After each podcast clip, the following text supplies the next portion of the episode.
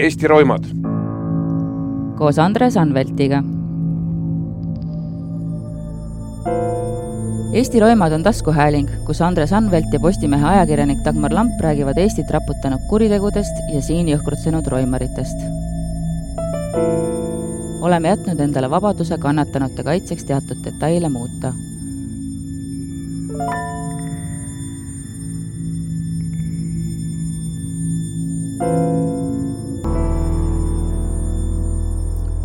tuhande üheksasaja üheksakümne kuuenda aasta viimasel päeval sõitis üks lihtne, kuid armunud Soome farmer nimega Markku Kemiläinen Helsingist Tallinnasse, et veeta aastavahetus koos oma pruudiga.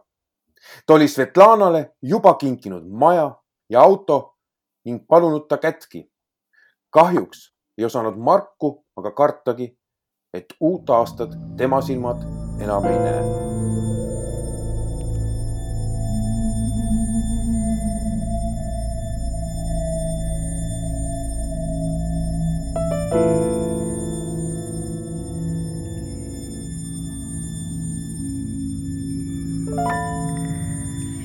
head sõbrad, te olete kuulamas Eesti roimade podcasti salvestust, mis tänu eriolukorrale toimub niimoodi, et mina olen oma kodus oma voodis, mina olen Dagmar Lamp, Elu24 ajakirjanik ja minuga on helisilla kaudu ühenduses äh, mu truukaaslane Andres Anvelt, tere. tervist, tervist! Äh, sulle sinna voodisse, mina olen tugitoolis veel. Äh, kahtlemata kõige mugavam viis tõenäoliselt meie saadet salvestada ja meie tänane külaline on endine politseiuurija Meelis Olev. tere, Meelis. tervist. ja ma loodan, et kuulajad siis mõistate, et saate kvaliteet on natuke teistsugune, kuid me anname omalt poolt kõik selleks, et, et siiski see lugu oleks võimalikult nauditav. ma ei tea, kui hea see sõna nauditav siin muidugi on. teine märkus, mis ma tahtsin teha, on see, et me saime natuke tagasisidet äh, selle kohta, et me kipume oma lugudes ajas edasi-tagasi hüppama ja me tõepoolest teeme seda, aga iga selle podcast'iga käib kaasas ka pikk artikkel, kus on see lugu, millest me parasjagu räägime, kenasti lahti kirjutatud, nii et äh, kui midagi jääb segaseks, siis alati võib minna otsida Elu24 podcast'ide alt Eesti roimade pesa ülesse ja seal on kõik pikad lood olemas. nii et äh, minge ja lugege ja sealt saate ehk vastused ning äh, kolmas oluline märkus enne tänase Roima juurde minekut on see, et üks meie antikangelastest, äh, Denetov, on hinge heitnud ja Andres, on sul öelda talle ehk mõned lahkumissõnad kaasa sinna teisele poole? ega eriti ei tahaks kaasa öelda, aga inimene on inimene, isegi kui ta on sarimõrvar. Denetov on läinud Eesti eh, kriminoloogia ajalukku kui üks jõhkramaid sarimõrvasid ja eh, tema nendest mõrvadest eh, saab ülevaate meie eelmise hooaja ühes saates. ja ta tõesti tegi seda väga jõhkralt ja, ja tema puhul kehtis ka see, mm, ka filmidest nähtud tõsiasi, et, et sarimõrvar võib olla täitsa harilik inimene meie hulgast ta ei pruugi olla mingisugune nähtav kriminaal ja leiab oma ohvreid, äh, tapab nad ja siis läheb elama ontlikku pereelu. see ei tähenda, et me peaksime kõiki kahtlustama, aga Denetovi otsimine ja tema kättesaamine oli tõeline pähkel, eriti veel üheksakümnendate aastate alguses, kus polnud ei DNA-sid ega muid, äh, muid moodsaid kriminalistilisi vahendeid ja, ja äh, põnevus selle asja, asja juures oli see, et tegelikult ju ta püüti kinni äh, šašlõki tüki järgi, äh, mis, mille järgi tuvastati siis see baar, kus ta oma ohvri kätte sai. Ja see šašlõki tükk tuli välja äh, kannatanu lahkamisel, aga me ei hakka sellest, ma arvan, eriti eraldi rääkima, sest seda saab kõike eelmise hooaja saates üle kuulata just, Denetovi põnev lugu, mis minul on sellest saatest meeles see, et äh, politseinikel polnud äh, bensiini ega autosid, nii et käidi trammiga, nii et kuulake, tõesti, see on äh, põnev ja, ja väga verine lugu. aga lähme nüüd meie tänaste tegelaste juurde, kelleks on Soome farmer Marku, kolmekümne üheksa aastane kes tutvus üheksakümne kuuenda aasta märtsis Amigo ööklubis Svetlana Haitolaga ja, ja Svetlana osutus hiljem mustaks leseks, aga Meelis, räägi, kuidas see üheksakümne kuuenda aasta märtsikuu Marku elus sellise pöördkäigu tegi, et sina uurijana läksidki ju nii kaugele ajas tagasi, et teada saada, kust see kõik alguse sai. tere veel kord. jah, selles loos meil sarimõrvareid nagu Denetov ei ole, küll aga on siis nagu, mängivad siin rolli raha, armastus, armukadedus, armastus kolmnurk ehk siis võiks öelda, et samad väärtused, mis tänagi. ja jah, Soome farmer Marku Kemiläinen eh, käis tol ajal aeg-ajalt Eestis sõpradega. ja üheksakümne kuuenda aasta märtsis tutvus ta siis Amigo baaris Svetlanaga. Eh, kena ukrainlannast naisterahvaga Äh, Svetlana hakkas talle meeldima, nad hakkasid suhtlema. Marku käis äh, tihedamini Tallinnas. Äh, kutsus ka Svetlanat Soome enda juurde. ühesõnaga suhtlus muutus tihedaks. Marku hakkas Svetlanale ka raha andma, jutt ei käi siin väikestest summadest Äh, vaid ta ostis Svetlanale auto, korteri. noh, summad ka tolle, tolle aja kohta olid nagu päris soliidsed. ja nii see suhe kestis siis äh, circa äh, kolmveerand aastat. Samal ajal oli tegelikult Svetlanal muuhulgas ka suhe ühe Mareki nimelise Eesti mehega. ja, ja, ja nüüd äh, peabki natukene iseloomustama, mida Marek, mis rolli Marek siin mängis. et Marek koos siis oma sõbra Mardiga olid sellised toredad mehed, kes üritasid endale tegevust leida. Enne, kui me jõuame selle saatusliku üheksakümne kuuenda aasta vana-aasta õhtu juurde kus soomlane Marko oma elu kaotas. Äh, juhtus veel asju. nimelt, et äh, Marek ja Mart, neil oli ka kolmas sõber Olavi, aga kes mängis nagu väiksemat rolli. Marek ja Mart siis äh, üritasid raha teenida, üritasid raha teenida näiteks niimoodi, et üks puiduärimees, kellel oli siis tüli rahaline tüli teise puiduärimehega, tellis neilt äh, selle teise ärimehe tulistamise. just nimelt äh, tulistamise, mitte vaid, äh, vaid tellis sellise asja, et lastaks teisele ärimehele auk sisse, see oli konkreetne väljend, aga mitte ei tapetaks ära. Oot, mis asja nad tahtsid, et, et ärimehele lastakse auk sisse? see on mu küsimus, auk sisse nimelt täpselt selline termin oli, et, et äh, tellija siis palus mitte ära tappa, vaid äh, õpetuseks ja hoiatuseks augu sisse lasta. issand jumal.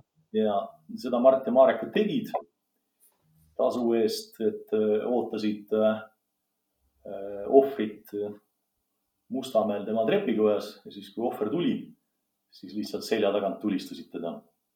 ohver jäi küll ellu, aga sai ülirasked kehavigastused. et see oli siis on mul ka küsimus, et kus on see koht kehas, kuhu sa võid nii-öelda julgelt augu sisse lasta ja, ja loota, et inimene jääb ellu või, või nagu, kui palju oli meditsiinialaseid teadmisi nendel noormeestel? no ju siis oli, ju siis oli, et, et ohver ellu jäi ja, ja nii-öelda tellimus viidi täide sõna-sõnalt. Jeesus Äh, ma lihtsalt natukene äh, veel selle ajastu iseloomustamiseks äh, toon paar asja. ehk siis tol ajal, üheksakümnendate aastate esimesel poolel ja ka selle teise poole üleminekul just seesama Amigo, mida me kõik tänasel päeval teame, temast tekkis teatud nii-öelda armulaev. Ehk Viru hotell oli sõna otseses mõttes selline koht, kus käis väga palju, juba kaheksakümnenda aastate lõpust Soome noormehi, härrasmehi otsimas endale kindlasti sellist võib-olla kõigepealt odavat seksi. ja väga paljud nendest siis sattusid sellesse nii-öelda kooseluvõrku, mille taga oli tihtipeale nende tühjaks pumpamine, et, et kuna ma ise just selle kaheksakümnendate, üheksakümnendate vahel töötasin Viru eriteenistuses, mis tegeles siis välismaalaste vastu suunatud kuritegudega, siis kõik pihta hakkas. Ja ma arvan, et seesama Marku case on nagu üks selline kurb näide, kuidas need asjad arenesid, et võib-olla kunagi võiks rääkida ka ühest väga legendaarsest loost, mille algus oli suhteliselt sarnane, kuidas Rootsi ametiühingu tegelased täpselt samuti selliste tütarlaste kaudu kaotasid oma elu. nii et ka selles loos me jõuame muideks ka väga paljude meetoditeni, mida kasutavad, kasutasid siis needsamad, noh, kas me nimetame neid prostituutideks või lihtsa elu otsijateks oma mingil määral kehamüüjateks, nii et seda tuleb kindlasti ära märkida, et see Amigo, mis on täna, seal pole kindlasti see, mis oli üheksakümnenda aastatel ja üheksakümnenda aastate esimeses pooles.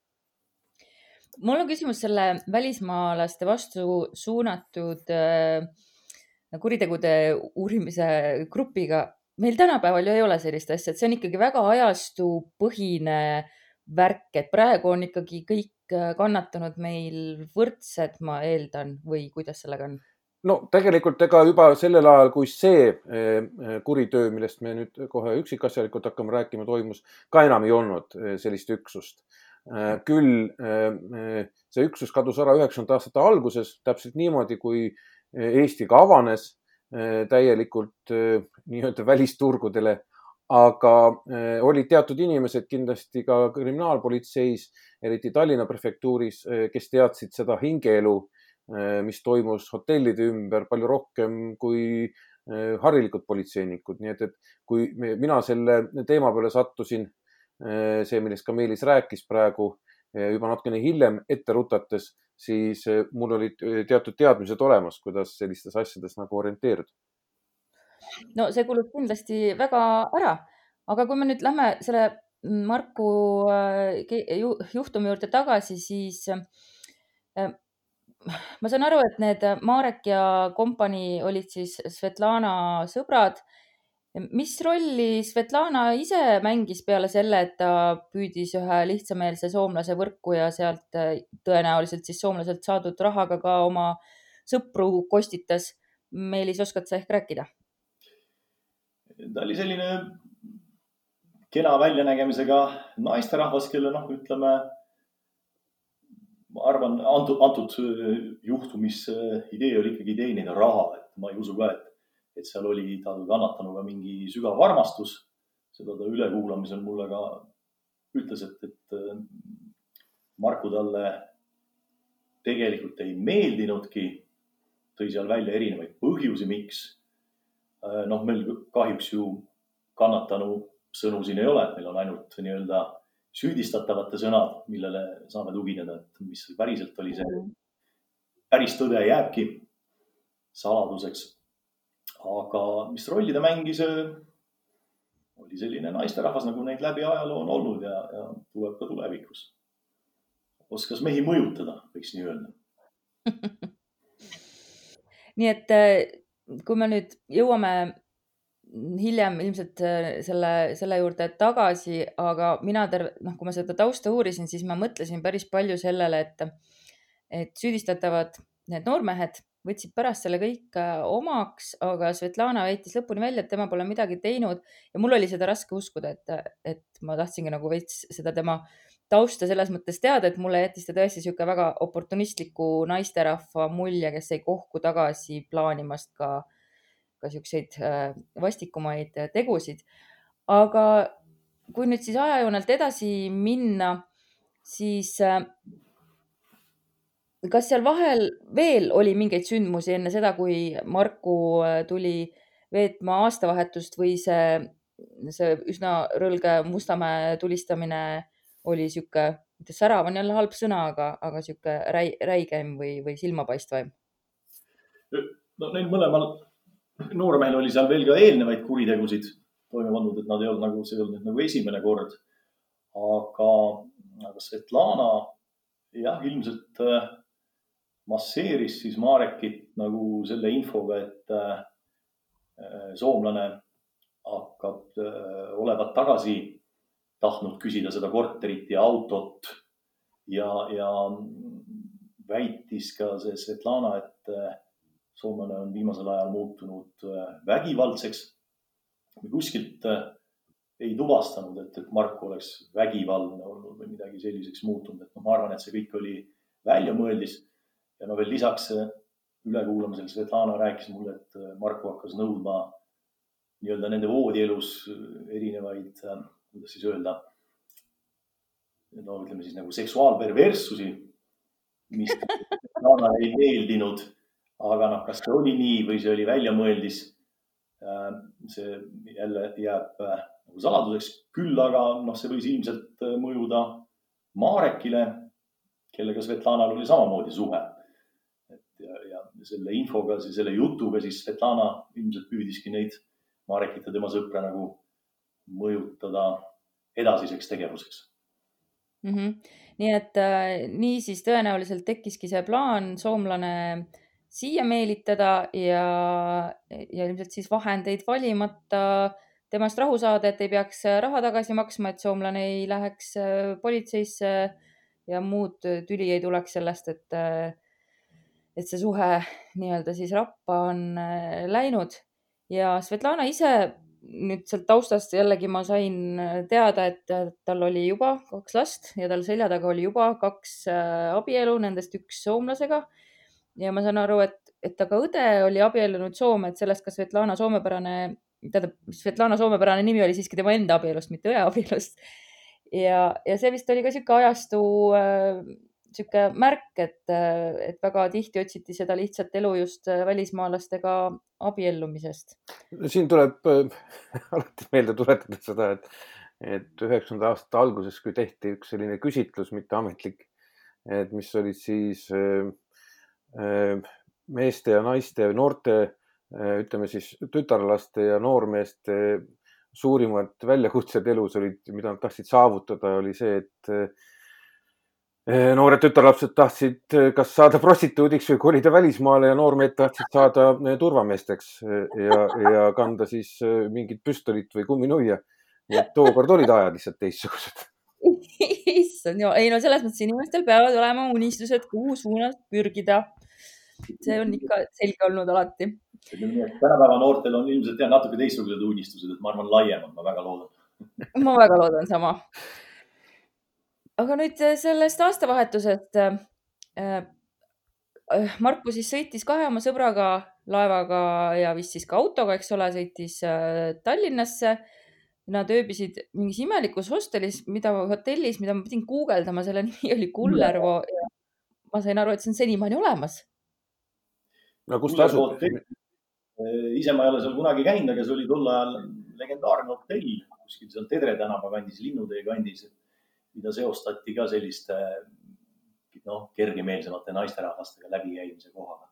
ahah, okei okay,, okei okay,, okei okay., see seletab nii mõndagi, miks sellel hotellil pole korralikku kodulehekülge ja kõik on välismaakeelne. Noh, mida kõike sa oma kodulinna kohta teada ei saa. aga, aga siis Marku saatis sõbrad äh, Amigosse, läks ise Svetlanaga kokku saama ning sealt läksid asjad valesti. ja Marku siis äh, vana aasta, vana aasta viimasel päeval äh, sõitis oma autoga, millega ta Soomest oli tulnud, sõitis Svetlana poole, kus nad siis kokku said. kõik oli tore, ilus. Svetlana serveeris äh, Markule äh, viinakokteili apelsinimahlaga, aga ühtlasi pani sinna sisse ka dimedrooli. sellist asja siis kasutati joogi sisse panemiseks. kas see dimedrool oli äh, üks nendest asjadest, mis oli selles oranžis pakendis? mis oli see keemiarelvade pakend või kust seda saadi? dimedrool oli kõige lihtsam nõukogudeaegne unerohi ehk ah, okay. selles mõttes tänapäeval me teame igasuguste teiste nimede all, aga see oli selline nõukogude ajast pärit ja ma arvan, et võib-olla Venemaal müüakse sama, siiamaani sama nime all. ja selles mõttes ta oli ikkagi juba moodsam, sellepärast, ma mõtlen Svetlana, sellepärast et paljud tema ametikaaslased veel üheksakümnendate aastate alguses kasutasid harilikke silmatilkasid. nii et, et ütleme siis see Dimetrool oli juba natukene kallim ja moodsam vahend selleks, et uinutada oma partneri valvsust. ma võin siia vahele rääkida loo enda teismeeast, siis kui sai hakata hakatud alkoholiga proov, proovima oma elu rikastada, siis liikus ka jutt üheksakümnendate lõpp oli see, et seesama see silmatilkade asi ja ma mäletan, et me katsetasime isegi seda. ei õnnestu mitte kuidagi, ma ei tea, meil olid vist mingid valed silmatilgad. ma arvan, kindlasti olid. muideks see on eh, selline vale arusaam, et tänapäeva silmatilgad enamuses ei tekita sellist mõju, nad ei ole sama eh, eh, koostisega see silmatilk, millest jutt käib ja, ja mida kasutati üheksakümnendate aastate või kaheksakümnendate aastate lõpus, üheksakümnendate aastate alguses oli täitsa teise koostisega. ma, ma ei ole küll keemik, aga ma arvan, et tänapäeval neid silmatilku vist eriti enam isegi müüa ei tohiks ma loodan tol ajal oli, oli põhimõtteliselt oli, ma ei tea, kas teda täna kasutatakse, aga tol ajal oli allergiaravim, aga ta jah, tekitas unisust, uimasust ja lõpuks uimastas nagu inimese ära. teovõimet ja praegu meil oli siis, äh, Marku oli äh, Dimetrooliga uimane, Svetlana pani ta Marku enda autosse, istus ise rooli ja, ja.... jah, ja aga Marku, noh, sõites Svetlana poole, ei pannud tähele, et tal tegelikult oli juba tavas, oli üks Opel, vana Opel, kus istusid siis äh, legendaarsed Mart Marek ja, ja, ja nende tuttav Olavi see Opel sõitis talle juba siis järgi. ja nüüd, kui äh, Marko oli Svetlanaga viimase korteris Tallinnas seal natukene puhanud, viinakokteili joonud, siis täpselt nii, et äh, Svetlana istus rooli, Marko tema kõrvale ja sõit hakkas minema Rakvere poole. et Svetlana tegi Markule ettepaneku sõita Rakvere kanti tema vanemate majja vana aasta õhtut ära saatma ja kui Marko oli juba parasjagu uimane ka, siis jäi ta sellega ilmselt nõusse. istus kõrval ja, ja nad sõitsid siis mööda Peterburi maanteed. aga nende järgi sõitis vana Opel. Peterburi maantee neljakümne üheksandal kilomeetril on Hirvli tee vist. Svetlana keeraski ilma pikema jututa auto maantee pealt ära. Hirvli tee peale jättis auto seisma ja astus autost välja. ja samal ajal jõudis kohe neile järgi ka Opel. sealt tulid välja poisid ja Marek tegi ukse lahti ja tulistas Markut. tappis ta sealsamas. seejärel oli neil kaasas bensiin, nad ei kaotanud aega. ja kuna oli vana aasta õhtu, olid kaasas loomulikult ka säraküünlad, ikkagi vana aasta õhtu mis asja, särav?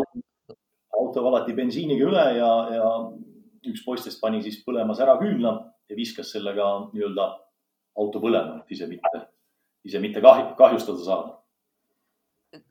mul on jälle nii palju küsimusi, ma isegi ei teadnud, et säraküünlaga on võimalik autot põlema panna. ikka on. Jeesus. aga õnneks vist oli sellel teol sellel teol vist ei olnud tunnistajat ja pealtnägijat, aga oli keegi, kes sõitis mööda sama teed ja nägi kohe plahvatust. ja, kui auto põlema süttis, äh, Svetlana istus Opelisse ja nad põrutasid äh, minema, aga tulid äh, juhuslikult möödasõitjad, üks isa ja poeg, kes jäid kohe seisma, proovisid lumega seda autot kustutada. see neil ei õnnestunud. Nad helistasid ka tuletõrjesse, politseisse jõudis kohale mingi aja pärast tuletõrje, kustutas selle auto vraki ära, aga noh, kõik oli juba ära põlenud, et ja muidugi kohe noh, märgati ka, et kõrval istuva koha peal on söestunud laip.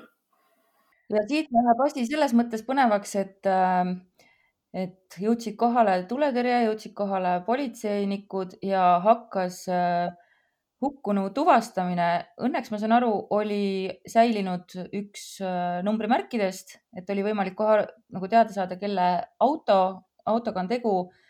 aga, aga kuidas sel hetkel äh, koostöö Soome politseiga toimis? no nüüd ma äh, räägin sellest hetkest peale, kus see kõik minuni jõudis ehk mhm. üheksakümne seitsmenda aasta esimesel jaanuaril. Ja esimene jaanuar ei ole meile kellelegi alati selline väga rõõmus päev.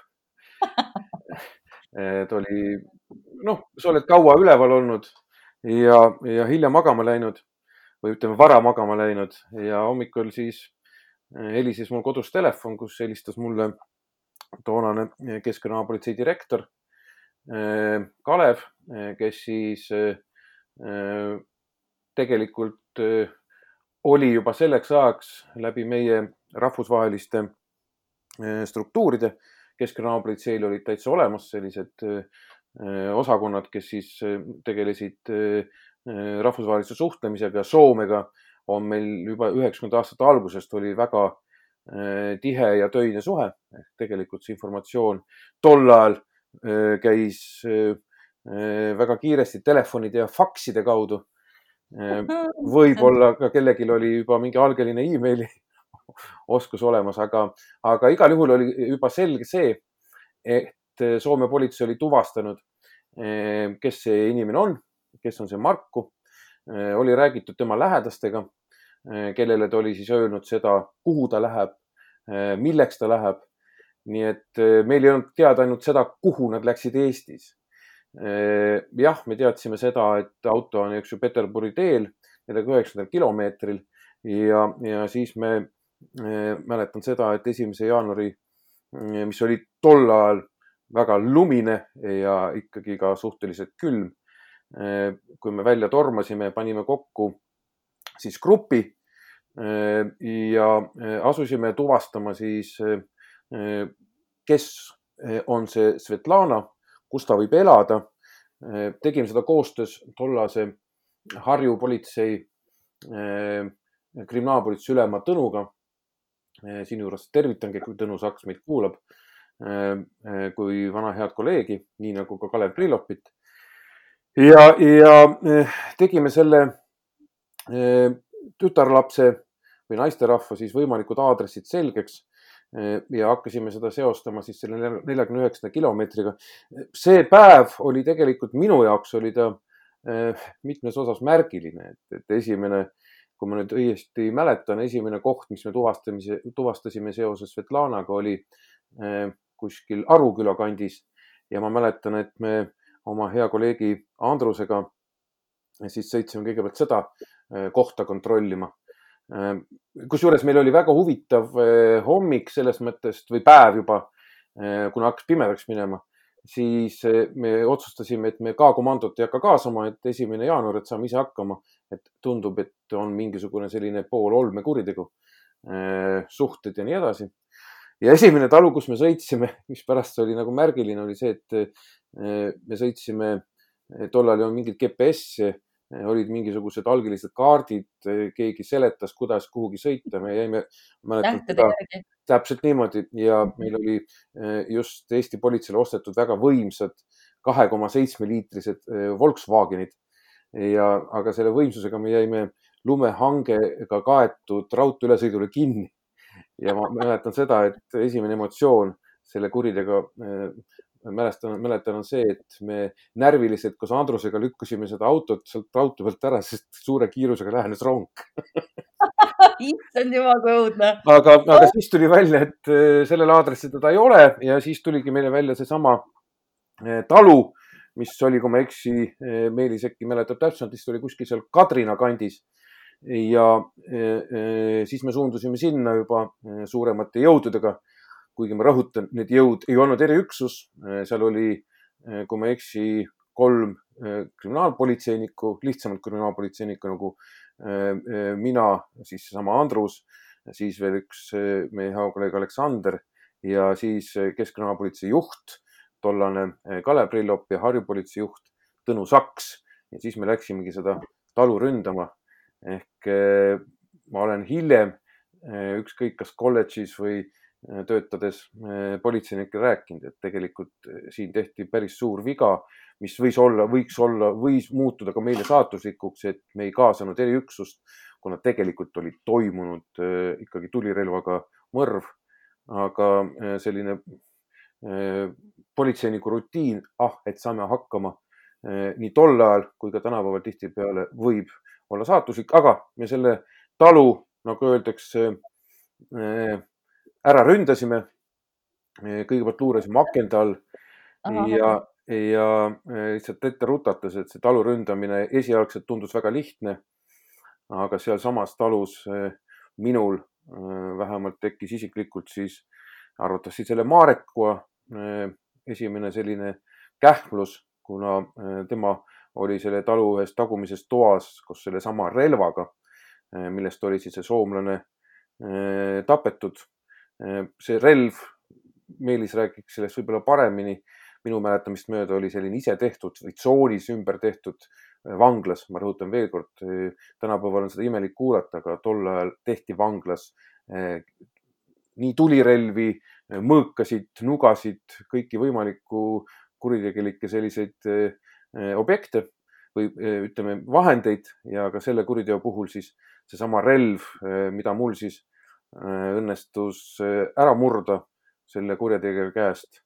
Äh, aga see oleks nüüd kõik minna teistmoodi, aga fakt on see, et me ikkagi lõpuks saime kõik need kahtlustatavad, kes olid juba korraliku, ütleme sellise järjekordse järgmise päeva puhangu all, olid tarvitanud korralikult alkoholi, võib-olla ka midagi muud, seda ma täpselt ei mäleta, aga igal juhul me saime nad kontrolli alla ja sõit Äh, siis nagu öeldakse, Tallinnasse Pagari tänavale võis lahti minna. aga ma arvan, et äh, selle edasised sündmused on äh, juba olulised sellepärast, et, et siis tuli mängu ka Meelis, sellepärast et üks asi on, kui kriminaalpolitseinikud suudavad sellise pätikamba kinni võtta, aga see kõik tuleb ju ära vormistada selleks, et need inimesed saaksid oma teenitud karistuse mul on küsimus selle kohta, et kas need Marek ja kompanii, kui see oli tsoonis tehtud relv, et siis kas nad olid äh, kõik varem kinni istunud? Marek ja Mart olid jah varem äh, karistatud, et ma tõesti ei mäleta, kas nad olid reaalselt istunud või tingimisi saanud. ja, ja ma ei mäleta ka selle relva täpset märki mööda, marki möödas on ju ikkagi veerand sajandit. küll aga nad ülekuulamisel ütlesid, et nad selle relva ostsid ühest äh, Tallinna relvapoest nii-öelda ebaseaduslikult ilma mingisugust äh, luba omamata. õige, mul meenub praegu, et tõesti, kui nad olid kohtu all, siis äh, ka see relvamüüja oli kohtu all nendega koos, ma seda sinna artiklisse ei kirjutanud, aga aga tõesti, tõesti. ja mul oli veel küsimus Andresele selle peo kohta, mis seal oli. ma saan aru, et Pralle käis ja palju seal rahvast oli, oli Svetlana, olid äh, kolm kutti, kas olid ka Svetlana vanemad, olid mingid sõbrad seal? Äh, seal olid äh, ka nii-öelda järgmine põlvkond, et kui ma nüüd hästi mäletan, siis võisid seal viibida ka vanemad, aga meie jaoks oli kõige tähtsam siis selle seltskonna, noh, mis on kohe veel eristatav, eks ju. ma väga hästi isegi mäletan seda, et selles esimeses suuremas toas oli see Svetlana ja vähemalt kaks noormeest ja, ja e, kui me sinna sisse tungisime ja siis asusime seda talu, nagu öeldakse, läbi otsima, siis mina jooksin e, mööda pikka koridori edasi, e, nägin tagatoas põlemas valgust ja seal siis puhkas üks nendest noormeestest, arvatavasti oli see Marek ja selles samas toas puhkas koos temaga ka see relv. ja selle relva kohta veel täpsustuseks, et ma neid üksikasju ka täpselt ei mäleta, aga vähemalt see relv ei olnud isegi mingi margiga kohaldatav, et ma ütlen, ta oli kas ümber tehtud või ta äh, oli kuidagi äh, mingi kaliibri jaoks ümber kohandatud. aga, aga seda ma mäletan jah, et selle relva päritolu, ütleme selline firmaline päritolu oli kahtlane, mispärast meie jaoks oligi ta nii-öelda ise tehtud ehk tsoonirelv aga kas need pidulised, kui te seal haarangut tegite, et nagu sa ütlesid, oli see teile tegelikult ohtlik, kas nad hakkasid kõik vastu või see üllatusmoment ikkagi mängis teie kasuks? ta ei, mängis kindlasti kasuks, siis ma rõhutan veel kord, enamus seltskonda oli, nagu öeldakse, koomas. Ehk eh, see esimene tuba, kus siis oli seesama tütarlaps, tütarlaps või naisterahvas või see must lesk ja, ja, ja paar tema sõpra, noh, see seltskond ei osanud eriti vastu hakata. Eh, küsimus oli selles, et eh, me oletasime, et need võib olla rohkemgi veel ja, ja siis tekkiski meie see kõige suurem puudujääk, et me asusime seda nagu maja kiirelt läbi otsima. kindlasti me ei teinud seda nii professionaalselt, kui seda oleks võinud teha ka komando, eks ju. ja, ja sealt tekkisidki riskimomendid, et eh, ma ei tea, kuidas see asi oleks võinud teistmoodi minna, kui mul ei oleks tookord appi rutanud minu kolleegid, kes siis eh, olid eh, põhiseltskonna juba ära fikseerinud ja, ja ruttasid mulle appi, sest minu need hõisked ja ähkimine sealt kuskilt tagumises toas andsid märku, et kõik ei käi täpselt niimoodi, nagu on kuskil instruktsioonis kirjas. Hõisked ja ähkimine oh,, nii, nii elav pilt tuli silme ette, aitäh sulle. aga Meelis, nüüd ma saan aru, kui äh, pahalased meil toimetati Pagari tänavale, siis äh, tulid sina mängu. kuidas, kuidas sa mängu astusid? ja mina kohtusin äh, selle suurepärase grupiga siis teisel jaanuaril, kui osalised olid kaineks saanud äh,. oli neile ka kohale jõudnud enam-vähem vist, mis on toimunud, mis võib ees oodata. Ja tegelikult need poisid, mehed äh, rääkisid üsna kohe, mis toimus, kes tulistas, miks tulistas äh,. et Svetlana oli selle korraldanud, oli nii-öelda organisaator ja, ja lisaks nad siis ülekuulamisel rääkisid ka mm, sellest äh, eelnevast Mustamäe tulistamisest, mida ma nii-öelda alguses nende iseloomustamiseks rääkisin, no üldse oma tegevusest ja elust. Et seal oli veel selliseid väiksemaid kuritegusid. vabandust, ma segan, et miks nad niimoodi kohe valmis olid rääkima, et meil on noh, siin need pahare, pahalased räägivad erinevatel põhjustel, miks nad niimoodi hakkavad lõugu lõksutama. mis nende motiiv oli, miks nad kohe niimoodi südant puistasid sulle? ma arvan, et südametunnistus äh, piinas neid ma muidugi tahan öelda seda, et äh, eks see südame puistamine jõudis äh, nende mõistusesse natukene varem, kui nad Meelis ette jõudsid, et ehk siis kriminaalpolitsei oli nendega juba natukene tööd teinud, et selles mõttes ta oli nendega südametunnistuse teemal rääkinud. ja, ja siin kindlasti mängis rolli üks asi ja, ja see on selline kõige lihtsam. siin ma võin rääkida ka kuulajatele sellise politsei taktika ära ja Meelis kindlasti toetab mind, sest ta on isegi väga palju kokku puutunud ka uurijaga, uurijana, on see, et, et kui sul on nii palju kambajõmme ja iga, iga, igaüks natuke midagi pudistab ja e, seda mängitakse tihtipeale üksteise vastu välja ja siis hakkab võidujooks. sellepärast, et e, igaüks saab aru sellest, et e, kes ees see mees või, või naine, mis iganes, sellepärast et kui ta hakkab viimasena alles midagi rääkima, siis kasutavad kõik teised võimaluse ära, et tema kaela seda ajada. Nii et antud juhul mängis võib-olla politseile nagu positiivselt kätte see, et neid oli palju, suhted olid segased, nii nagu ka Meelis ütles, need armu kolmnurgad, omavahelised suhted. sellisel juhul ei saa rääkida sellisest väga nii-öelda organiseeritud kuritegevusest, kus vaikimine on kuld ja, ja rääkimine on haud ja ma saan aru, et Svetlana ei rääkinud, eks ole, nii et tema ei läinud sellega kaasa, tema eitas või, või millal ta rääkima hakkas, Meelis? no siin oli tegelikult niimoodi, et ma ise arvan, et miks poisid nagu kohe rääkima hakkasid, et nad ilmselt tundsid ennast üsna nagu lollisti. Neid ju tegelikult äh, Svetlana oli sinna nii-öelda selle supi, selle mõrva sisse vedanud. noh, kõik märgid ju näitasid, et nemad ei olnud seal äh, selle tapmise organisaatorid, initsiaatorid ja eks nad võib-olla tundsid ennast siis natukene petetult, et äh, Svetlana lubas maad ja ilma kokku, tehke töö ära. Aga tegelikult kukkusid nad kohe nii haledalt ju vahele, seal kakskümmend neli tundi hiljem. ja, ja võib-olla oli siis ka sellist pettumust ja, ja mis iganes tundeid. aga Svetlana, tema keerutas jah, temal oli asjast äh, teistsugune nägemus. et äh, ta suures osas nagu hakkas seda kadunukest süüdistama. ja, ja, ja noh, püüdis jätta nagu muljet, et äh, mingi armukadedus oli, miks, äh, miks poisid soomlase ära tapsid. noh, tegelikult äh, oli see ikkagi raha. ja ma lihtsalt täpsustuseks veel või täienduseks. mul on see väga selgelt meeles, et seesama mm, teema Äh, oli muideks ka kohe tulemas, siis kui me Tallinnasse pagarisse jõudsime lõpuks vastu ööd, siis äh, nagu silme ees mäletan, kuidas äh, Svetlana istub tooli peal kabinetis, isegi ma arvan, et kriminaalpolitsei juhi kabinetis ja hakkas sisuliselt kohe rääkima seda, et need poisid on süüdi ja seesama jutt oli väga kasulik tol ajal ka kriminaalpolitseinikule või politseinikele, kes töötasid igas toas erinevate kahtlustatavatega. Ja kui sul on kahtlustatav, kes on tegelikult kaasa tõmmatud teemasse, ta on palgatud, sest tegelikult me ei saa unustada seda, et taga oli ikkagi raha Äh, see korteri, auto, mis iganes müük võis tuua sisse, eks ju, vahendeid, mida siis jagada oma kuriteokaaslaste vahel.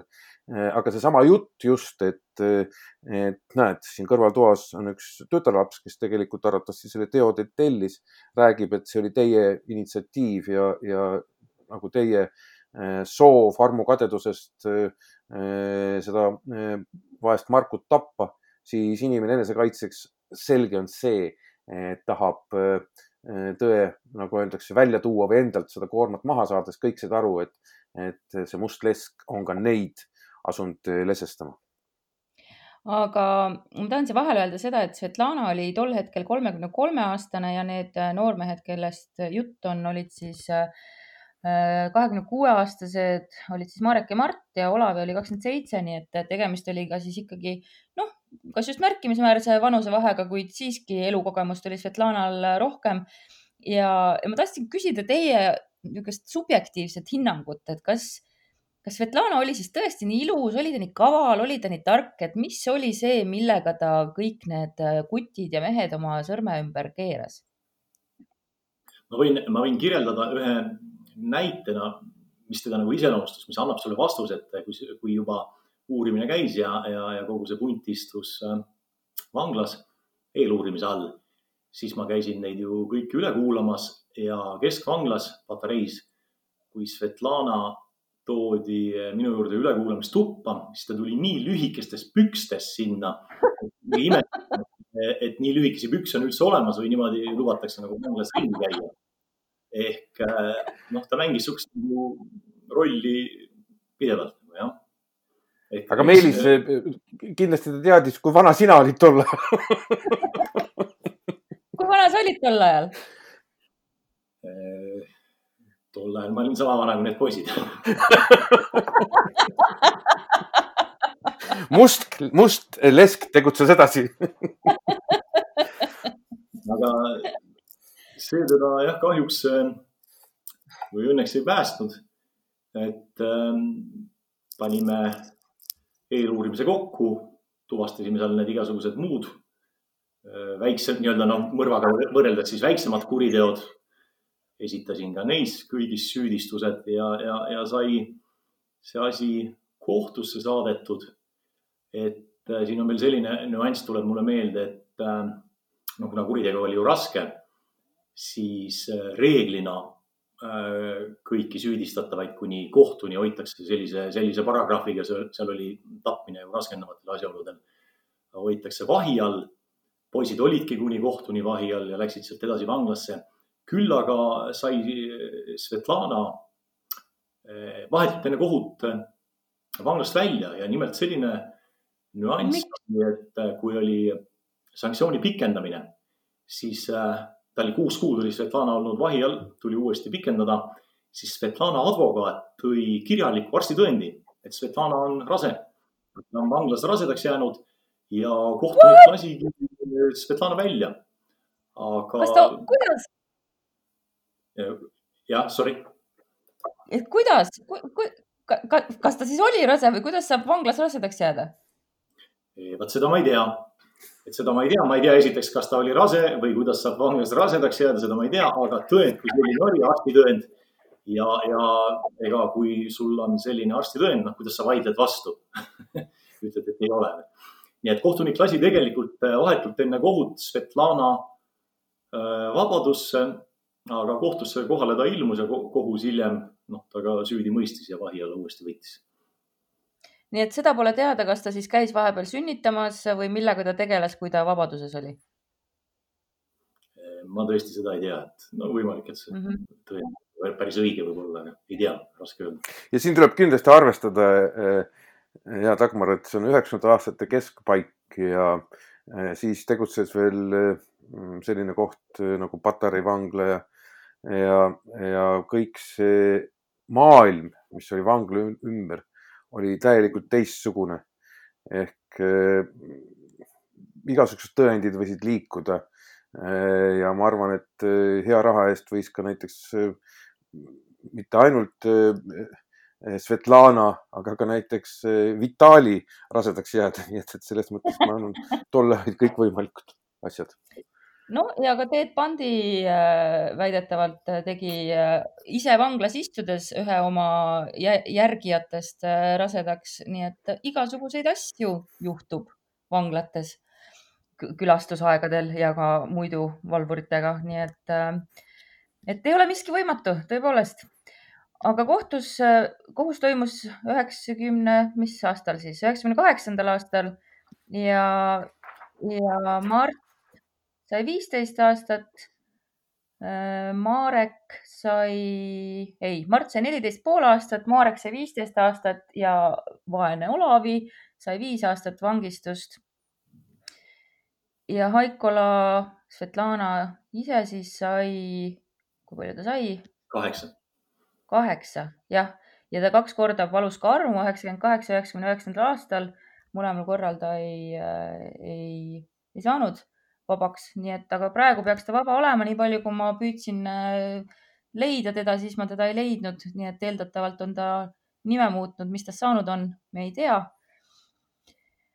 aga huvitav kuju igal juhul, ma loodan, et ta ei jätka oma selliste musta lese tegudega, eks vanust on ka juurde tulnud. Kuskil viiekümne kandis ta nüüd peaks olema, kui ta on sündinud kuuekümne kolmandal aastal no ma arvan, et pigem isegi natuke vanem, sest mina olen sündinud kuuekümne üheksandal, ma olen viiskümmend. Ma ei oska, lisaks vene keelele ma ei oska ka arvutada, nagu ma nüüd näen.